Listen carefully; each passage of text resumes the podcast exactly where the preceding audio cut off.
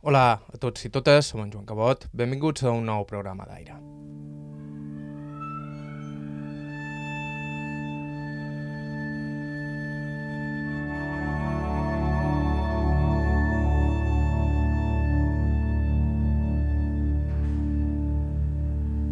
El testimoni d'avui ja ens havien avisat que era tot un personatge. La Montjaume de Serracó és una d'aquelles persones que sembla increïble que tinguin 92 anys. Un home que encara a la seva edat conserva una vitalitat envejable fins al punt que fins fa dos dies te'l podies trobar encara fent feina damunt del tractor. I fer feina és bàsicament el que ha fet tota la seva vida. Son pare va morir quan ell acabava de néixer i el seu padrastre es va fer càrrec de la finca familiar i ell es va voler fer valer, demostrant que a casa seva ningú no el podria acusar de gandul. La Montjaume és una institució Serracó, un llogaret a Andratx, Mallorca, que ell es coneix tan bé que quan hi ha disputes sobre fites, la gent acuta a ell. perquè els hi mostri les finques i perquè els hi arregli aquestes coses. Jo ho he fet molt en això, m'han vengut a cercar molt, però molt, he fet molt, molt, molt, a molta gent Narí a mostrar-li això és la teva finca, això és aquí, fins aquí, fins aquí, fins aquí. Ah, Però molta gent, eh? a dins, a dins de racó, però moltíssima de gent. I un m'ha pagat bé, l'altre menys, i, en fi, i, eh, per tots, tots s'han portats. Però això ho he fet però moltíssim, eh? Però moltíssim. encara hi viu. la Moltíssim. finca de Son Nadal on va néixer i on probablement morirà. No fa molt de temps. Avui escoltareu una d'aquelles entrevistes tan això d'una autèntiques que quasi l'han volgut deixar íntegre. I com que jo faig, he molta feina dins la Avui s'obren les introduccions En la Garriga, comentaris eh, de molt Jaume marge del que sigui, Basta i tot sola. troba- Això és Aire, trobava... a IB3 Ràdio, vos parla Joan Cabot. I viscut dins això.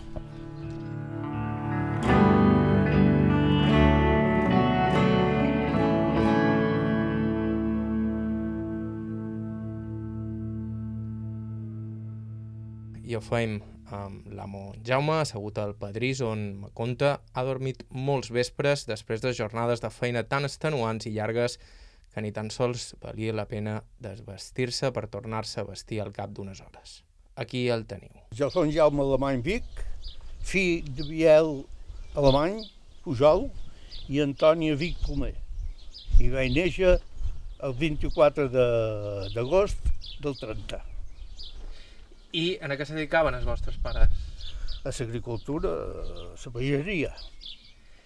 Ja eren d'aquí de Son Nadal. Sí, sí, sí, sí, sí. Eh, es dedicaven a la pagesia i, i tingueren una guarda d'ovelles i, i fins que un pare va morir molt jove. Va morir 28 anys, a 38 anys. Mon mare se torna a casar amb un altre home i varen tenir dos infants més i n'hi ha teus, meus i nostres. Ja, de tres, però en fi, està bé que ja no en queda quasi cap, més que jo i una germanastra. I una mitja germana, diguem, que dic jo. D'on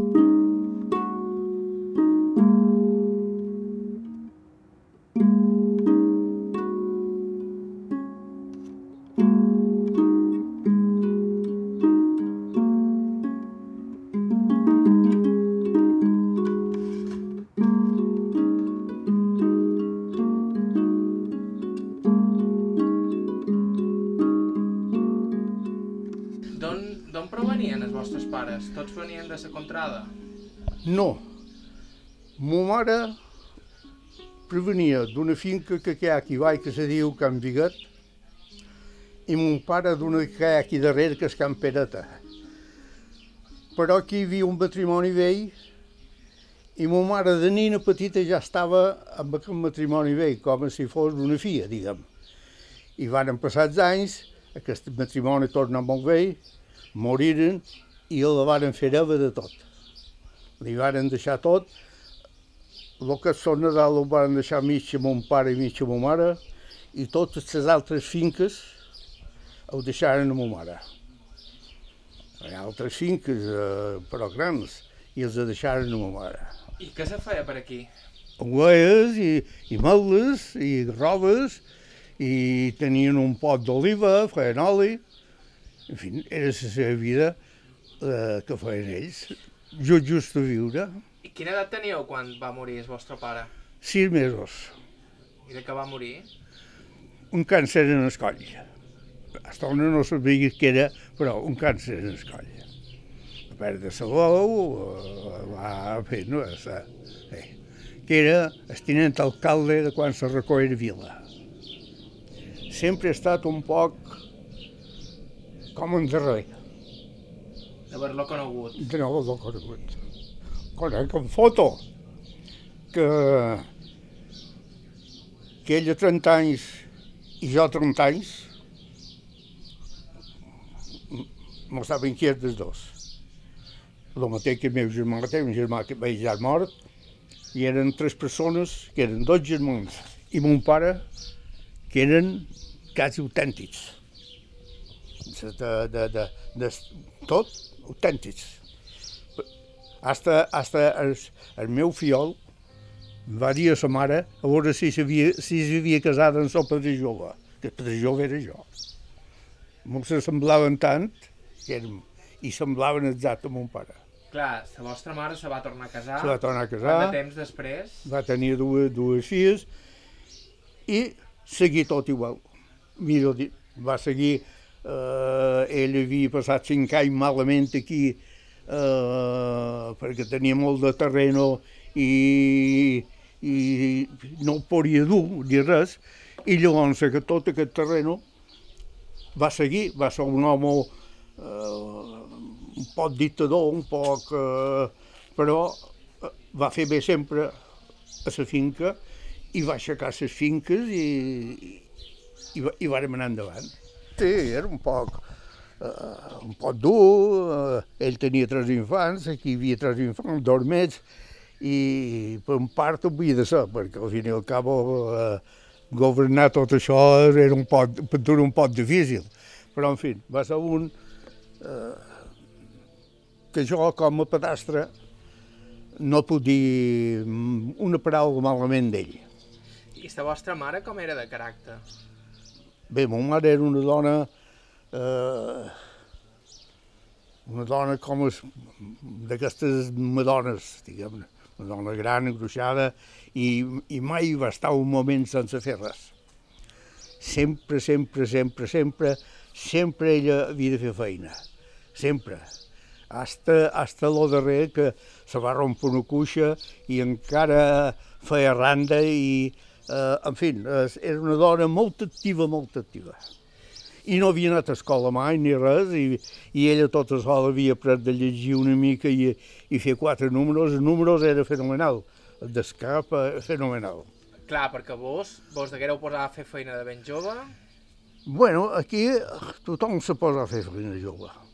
Tothom, aquí tots, quan tenien 7-8 anys, a guardar cabres, perquè hi havia moltes cabres, i a guardar cabres i, i a escola, jo quasi a escola no hi vaig anar. Vaig anar a repàs en el capellà del poble, llavors, eh, un, un parell d'anys sense el capellà.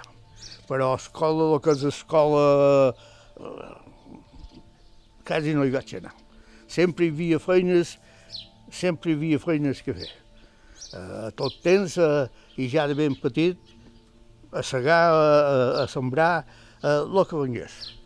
I com vaig ser més grandet, ja tenia 13 o 14 anys, una cosa així, volien que guardés les cabres. Hi havia molt, moltíssimes de cabres. I jo no, va dir que jo no, no havia nascut per anar darrere les cabres. I, i vaig fugir un poc de, del meu padrastre. I vaig venir aquí i ma mare diu, bé, bé, per aquí ja faràs coses.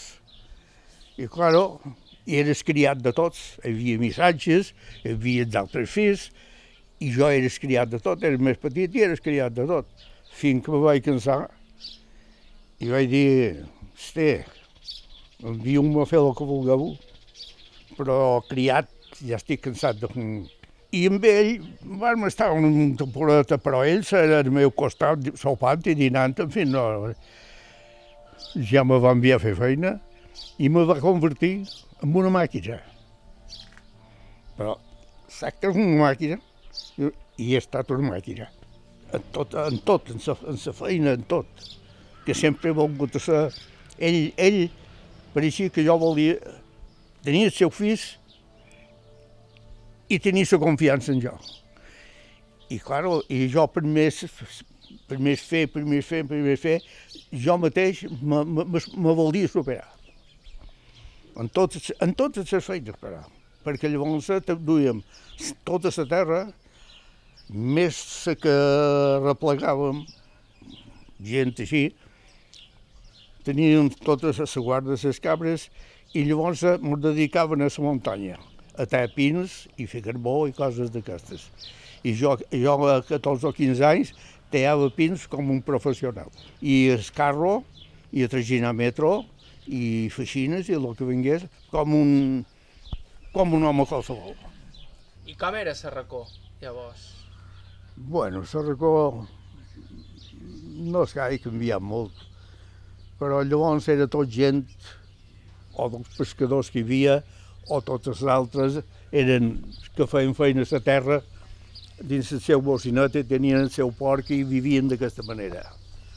Avui no, avui hi ha molta de gent, molts estrangers, i és un poc, ha, ha canviat un poc amb això. Teniu record de la guerra? Perquè teníeu 6 anys. Algo, algo, algo. Era el 36 i jo tenia 6 anys. Què recordau? Uh, jo el que més recordo de la guerra és de veure uns camions que venien per les recors i nosaltres sortint d'escola vestits de blau que pareixien fantasmes allò amb un camió carregat d'aquella gent i, en fi, i, i, i compten, no compten coses bones de tota aquesta gent perquè mataren gent i ho van fer de tot. I llavors, quan venien a bombardejar Palma, els avions, les bombes me sortien aquí damunt quan tiraven una bomba, llavors veien un fum a de dalt. I nosaltres d'aquí goitaven a bombardejar a Palma. Bé, bombardejar, veien, eh, i tornaven passats avions cap allà. És, és l'únic que, que me recorda, això. No sé, en aquell temps no podies anar segur pel lloc.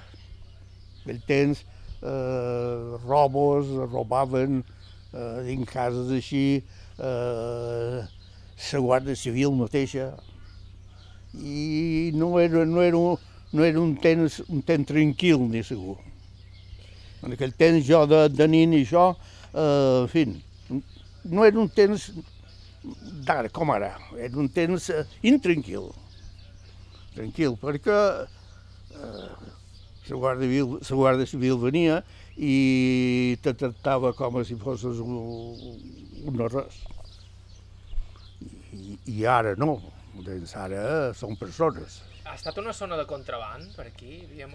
Sí, sí, sí, sí, això, això, eh, jo, jo de Toledo, jo no hi vaig anar mai. No hi vaig anar mai, em convidaren una vegada i no hi vaig... En fi, no, no hi vaig anar. Però el meu pedastre a Castellnola i aquest era un, un complice també jo. Varen tenir un home molt d'anys i aquell home quasi, quasi de més a més del nostre jornal se dedicaven a això, els vespres a fer això. I te'n record que jo em feien anar a guardar una guardeta dues i els duien allà davant que hi, ha un, hi havia un hortetet i havia de guardar l'hortetet que no se menjassin l'hortetet. I jo tenia por, perquè tenia 10 anys i prest venia cap aquí, en l'estiu les uves eh, mengen en, en, vespre. I res, i, i un vespre ell me diu, au, anem tots dos. I m'on anem tots dos, som a una vall d'una pomera en aquell hortetat. I les uves que pasturaven per allà. I al punt van sentir un xerro, un xerret, un xerret, i jo ja, bueno, el tenia ja, ja m'atracava cap a ell, jo, perquè ja seien uns costats dels altres, jo tenia una porada. I com van estar, hi havia un camí, just damunt del mar hi havia un camí, ben expulsada a la pomera, que ja eren madures les pomes, diu, lots, veniu a cercar pomes que, que més tard vos farà falta. Cau amb aquella tranquil·litat, eh, puta, si jo, jo assustó, un assustó el dimoni. I com varen va passar, diu, has vist el que era la por? Homes que se'n van fer feina, i eren homes que se n'anaven a la costa a, a, treure, a treure tabac.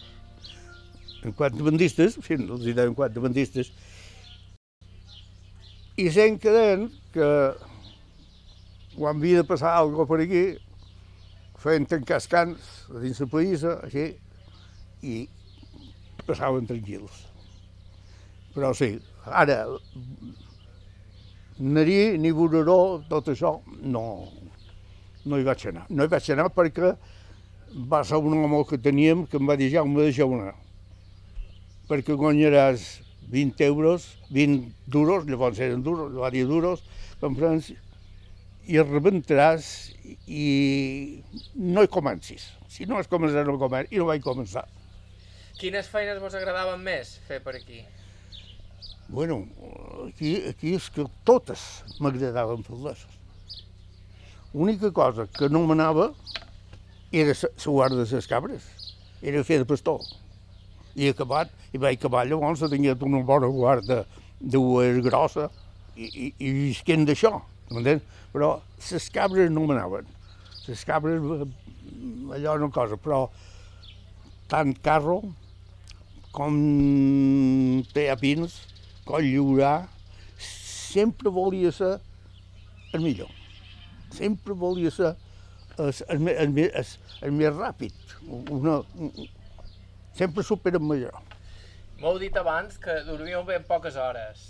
Eh, però això ha estat més anys després. Després, quan vaig tenir una quarantena d'anys, perquè un va començar a nacer, se casaren i anaren, i va quedar a dos vells en jo.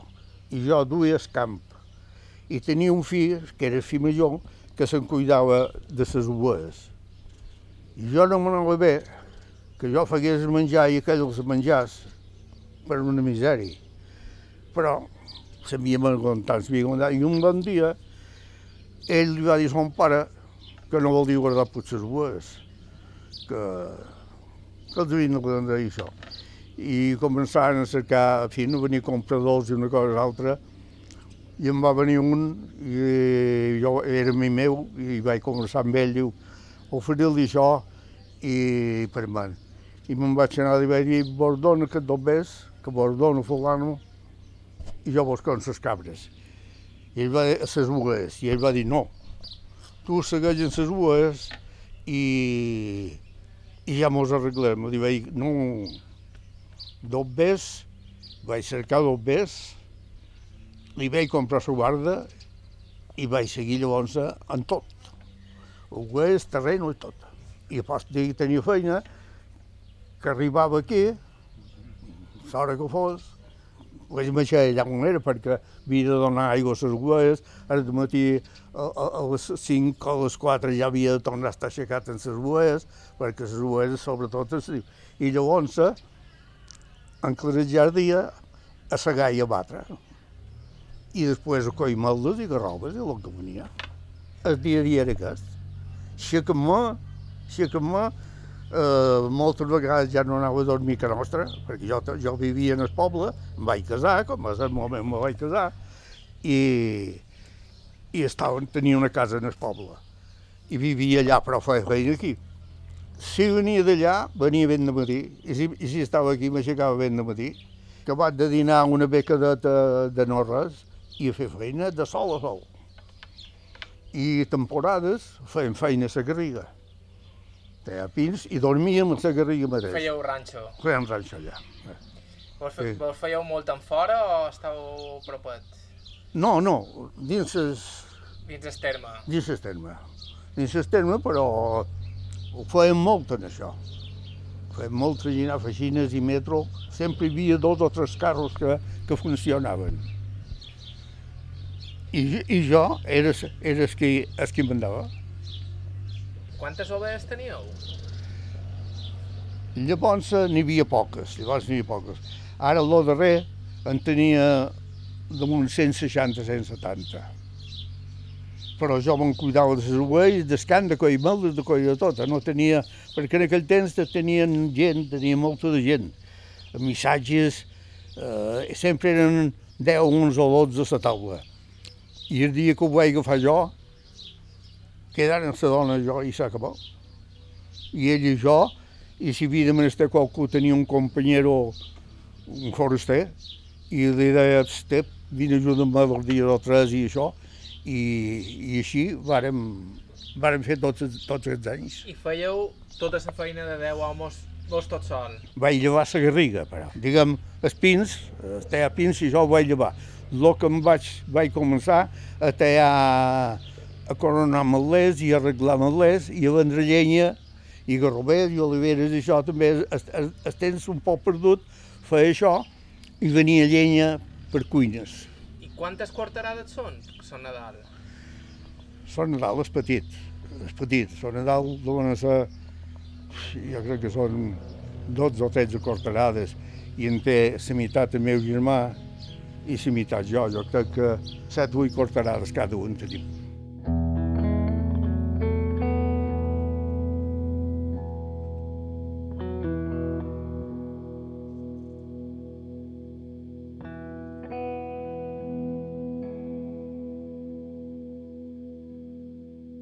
Era l'amo en Jaume Alemany, nascut al 1930 a Serracó, Mallorca. En uns segons continuem en la seva història. Estau escoltant Aire i Vetre Ràdio, fem una breu pausa i continuem.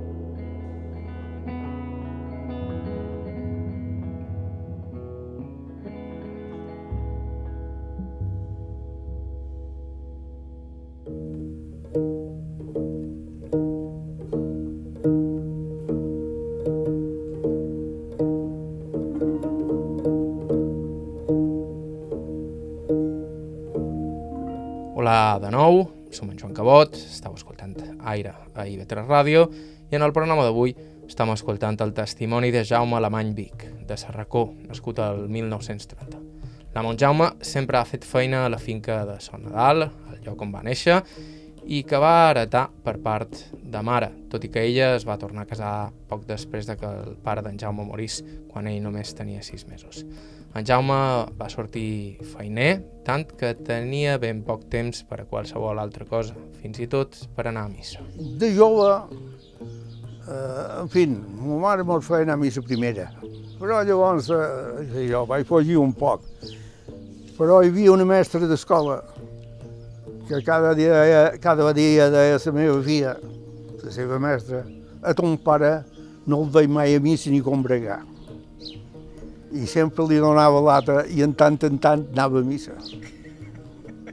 No és que no hi creguia, un moment, eh? perquè ma mare de petit m'ensenyava a missa i anar a missa vaig a missa. Oh. Però el meu petit jove va ser capellà, o era capellà. Va ser un capellà d'on jo han ensenyat alemany. I me deia, Jaume, tranquil, el que fas en temps prou eres capellà i cada dia, cada dia, cada dia, cada dia, quasi cada dia m'ho havien de veure. O ell aquí o jo anava a casa seva. O ell venia cada dia aquí. Ja estava retirat, a lo darrer, venia per aquí, era, era, era un cosí meu, de Can Pereta, i venia per aquí menjava barcots o una magrana o el que fos, eh, estava per aquí i me deia això. I fèiem amunt allà a la sombra i parlaven de futbol, parlaven de tennis, parlaven de política, parlaven de tot amb ell i sèiem una hora. O jo anava a casa seva a dur-li trastos, tomàtiques o, o el que fos, li duia a casa seva. I me deia, tu tranquil, el que fas ja n'hi ha prou. No sé què voldria dir això. Jo voldria dir que jo, eh, tot el que feia, la feina que feia, una cosa o l'altra, ja tenia el cel guanyat. jo penso això. Sí, sí, sí. Mai, mai, ni de nin me va parlar de missa, ni de bon Jesús, ni de capellans. I un dia jo li vaig fer una pregunta. Dic, volia fer una pregunta. No sé si, si l'en contestareu o, no. I com així ha tant de, cada bon Jesús té un color? No hi ha un bon Jesús just, i perquè n'hi ha tant de colors de, de bon Jesús, es diu, perquè cada artista l'ha pintat a la seva manera. I posa l'únic que vaig conversar mai és d'ell en, en, en coses d'aquestes.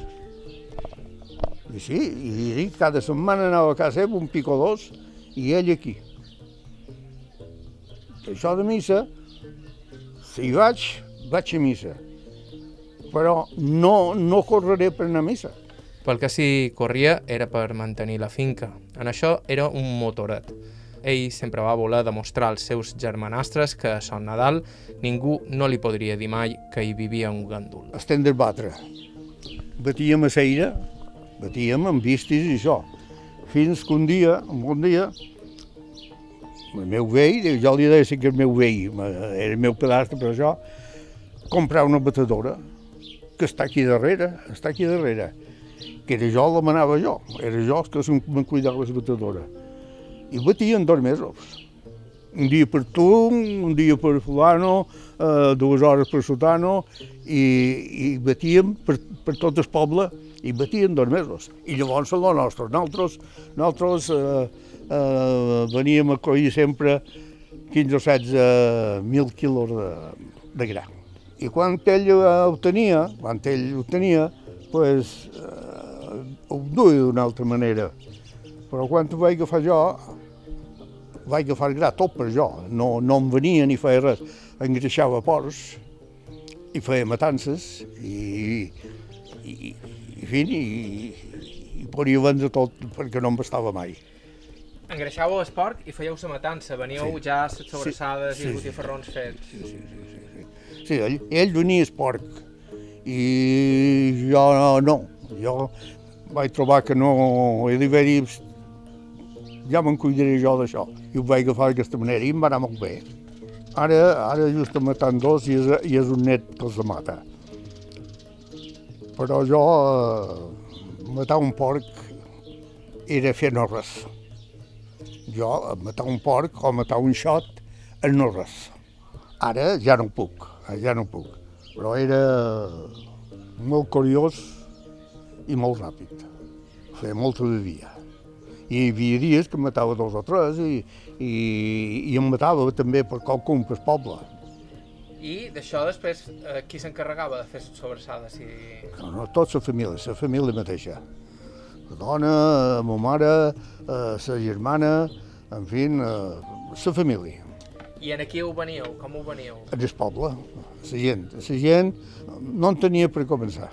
Els xots funcionaven que si en tenien molts, havia de fer venir un, un mercader i et pagava eh, en el preu que ell volia, com aquell que diu.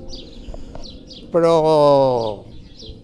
marxava d'aquesta manera. Però jo hi va haver un parell d'anys me va venir bé tant la cosa, no sé què va, que vaig acabar per matar-los tots jo.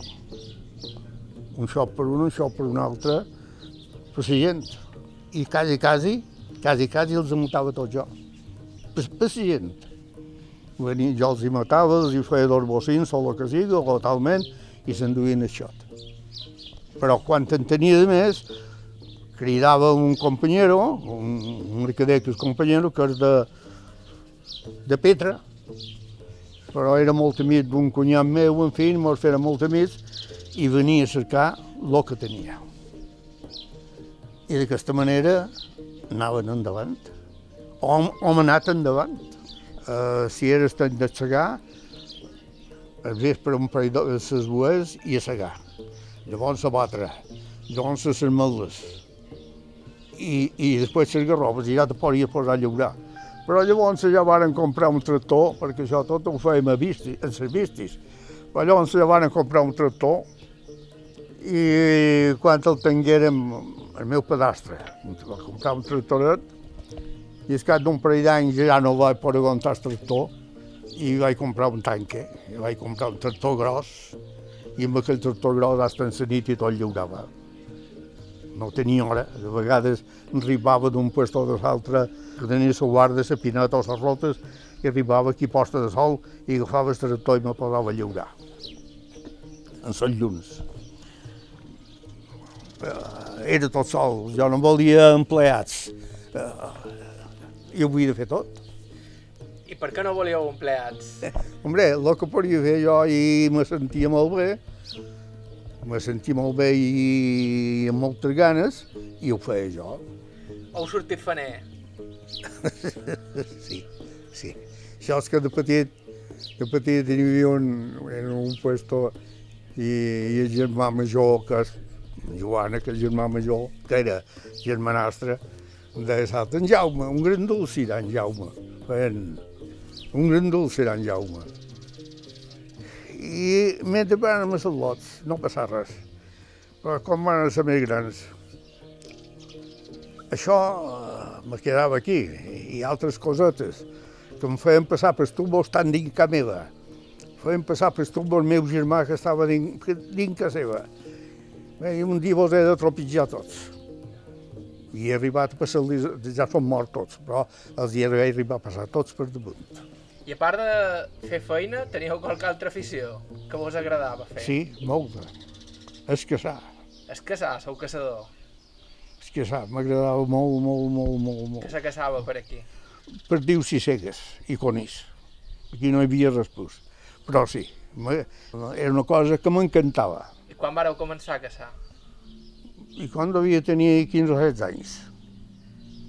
Me'n record que el primer conill que vaig matar, el vaig matar a la dragonera. Anàrem a caçar a la dragonera el meu germà i un companyero, i el primer conill que vaig matar jo en la meva vida el vaig matar a la dragonera. I les coses em quedaven... un- que Ara ja me fugen, però fent, a la dragonera. Van agafar una barca a Ramimona, anàrem a la dragonera, remant. Ara per venir a sortir llavors a, en Sofarauer, però per anar cap allà i anaren a rem en la nit. Vam arribar les dues o les tres del matí allà i, i varen seure una estoneta i me'ls posaren a caçar. Jo tenia permís del senyor llavors, d'en Fleixes, que deien, en Fleixes, jo tenia permís que hi podia anar quan volia. Aunque jo anava a esport, a, els carros i metro i tot això, i, i, i me va donar permís perquè feia perquè hi anés quan volgués, i amb qui volgués. Clar, perquè tot això s'embarcava en esports. Sí, allà hi havia la serradora i allà hi havia, que carregaven. Perquè hi havia, molta, hi havia altres, altres indústries, a part de... No. Hi va haver un moment, uns anys, la tolera. La tolera, però indústria, indústria, anys, la tolera i les serradores. I la corda, també m'han dit. Bé, la corda eh, particular de, de, de les cases.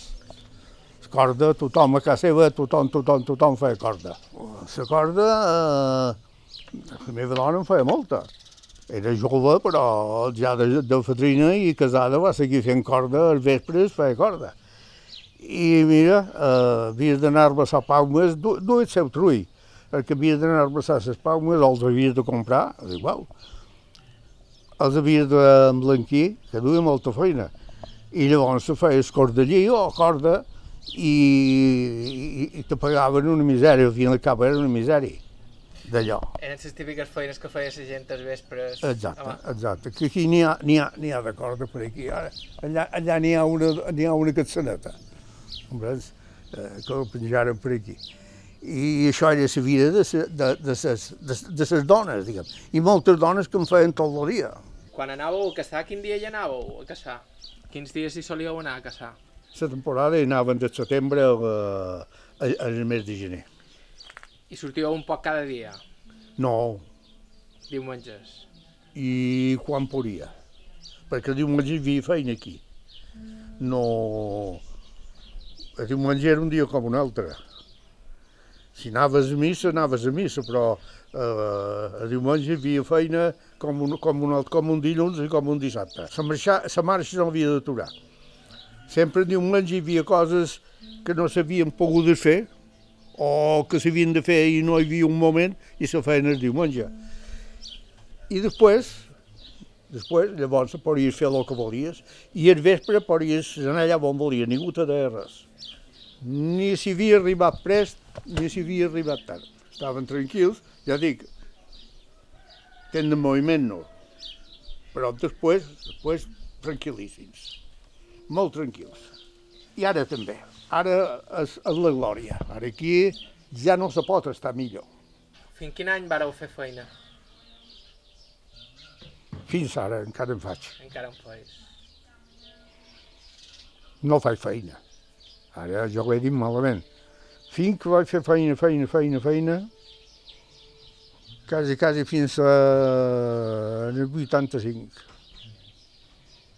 Feina, de fer feina i coses d'aquestes, quasi, quasi fins al 85. I encara produeix la finca? Bueno, el que ens en duia moltes de finques, duia totes les finques, i ara just tenim Son Nadal, la part de Son Nadal, i ara ja són els dels lots, o gendre, que llaura, i... perquè jo ja no puc. Però encara, un dia que vaig anar al tractor, no fa molts de dies, fa tres o quatre dies, o, o sí, eh, vaig tractor.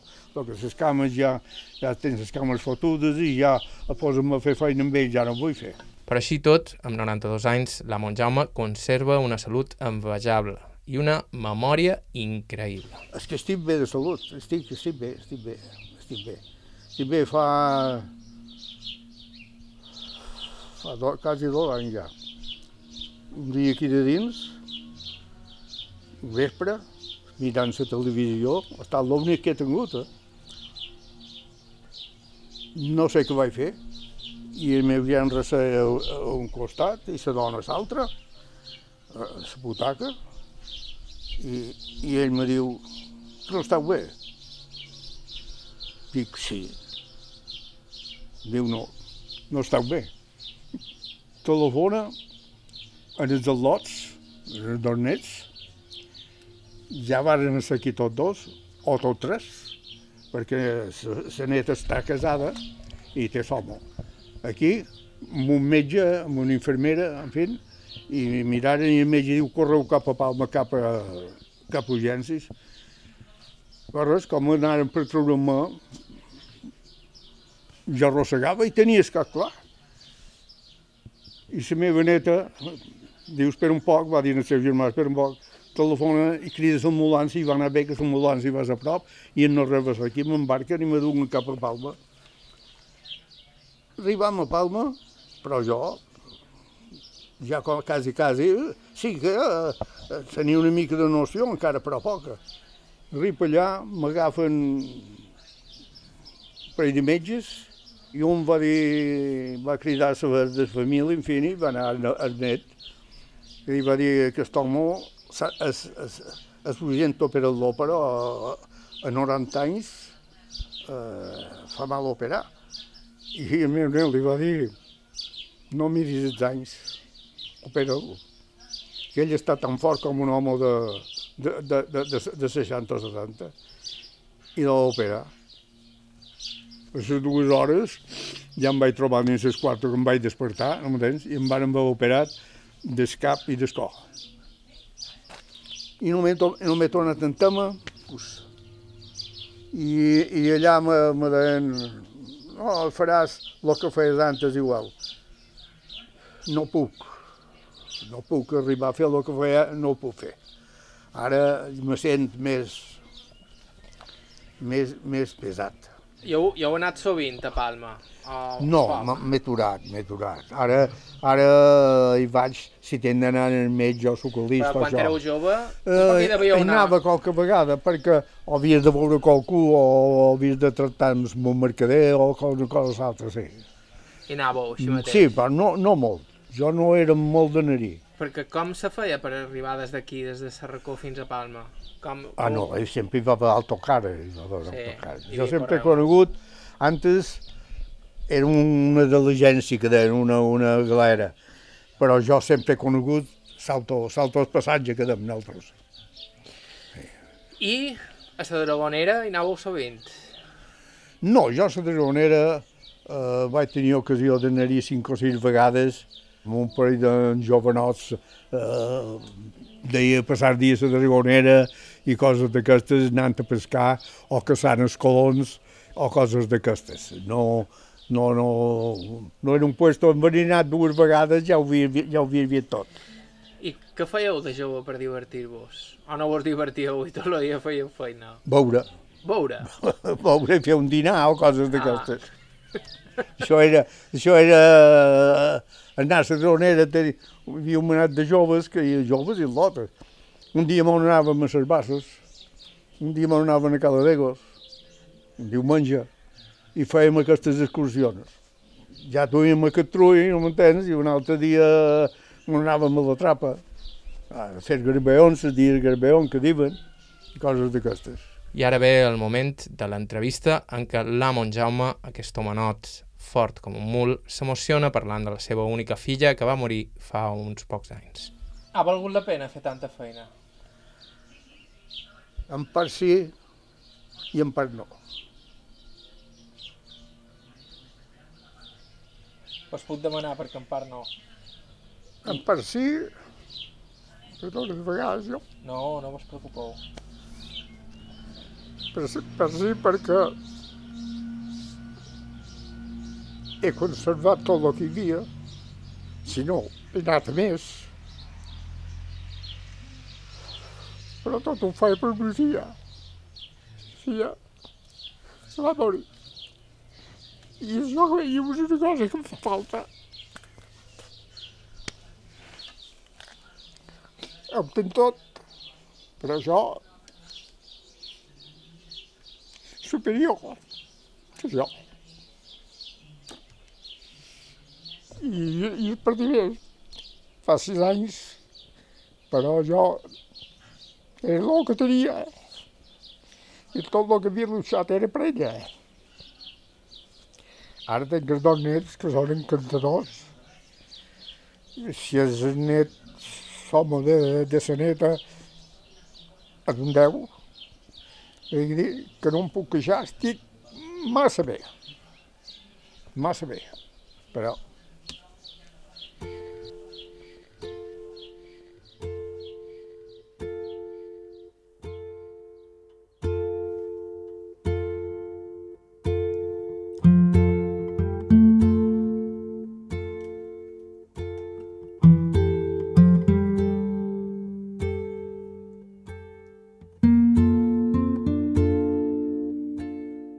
sort, li queden els nets i, de fet, també es reprederia. i cada dia, cada dia aquí. O, o ell, o ell, o, o tenen una, una nineta, una nineta molt, molt traviesa i, i, molt, i, molt, i molt intel·ligent, però molt intel·ligent, i, i, en fi, i cada dia, cada dia venen aquí. Eh? Té, té cinc anys. I, i, I és terrible, terrible perquè eh, té coses, té coses que, que, que no sé, es carrufen. Eh, com, no saps si és, és conversar d'ella o la guapor que té, perquè és guapíssima. Impressiona. I, i, i te diu unes coses que, que, que, que no pareix que siguin d'una D'una d'un- d'una nina de cinc anys. I mira, i mos, i mos entretén. Potser després de tants anys de feina, la Montjaume s'ha guanyat poder assaborir i gaudir d'aquests petits plers. Thank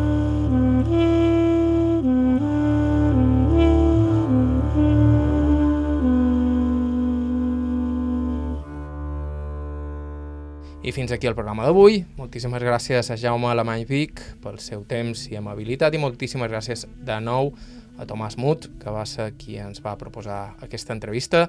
Si voleu fer el mateix, ens podeu escriure a aire.ivetresradio.com aire.ivetresradio.com Vos recomanem que ens escolteu via podcast, vos podeu subscriure al nostre programa a qualsevol de les plataformes disponibles i a ib3.org barra carta i trobareu tot l'arxiu del programa. La música que ha sonat avui ha estat de Marisa Anderson, Joshua Abrams, Charles Rumbach i Jaume Comte. Bàrbara Ferrer a la producció executiva, us ha parlat Joan Cabot, gràcies per ser a l'altre costat i fins la setmana que ve.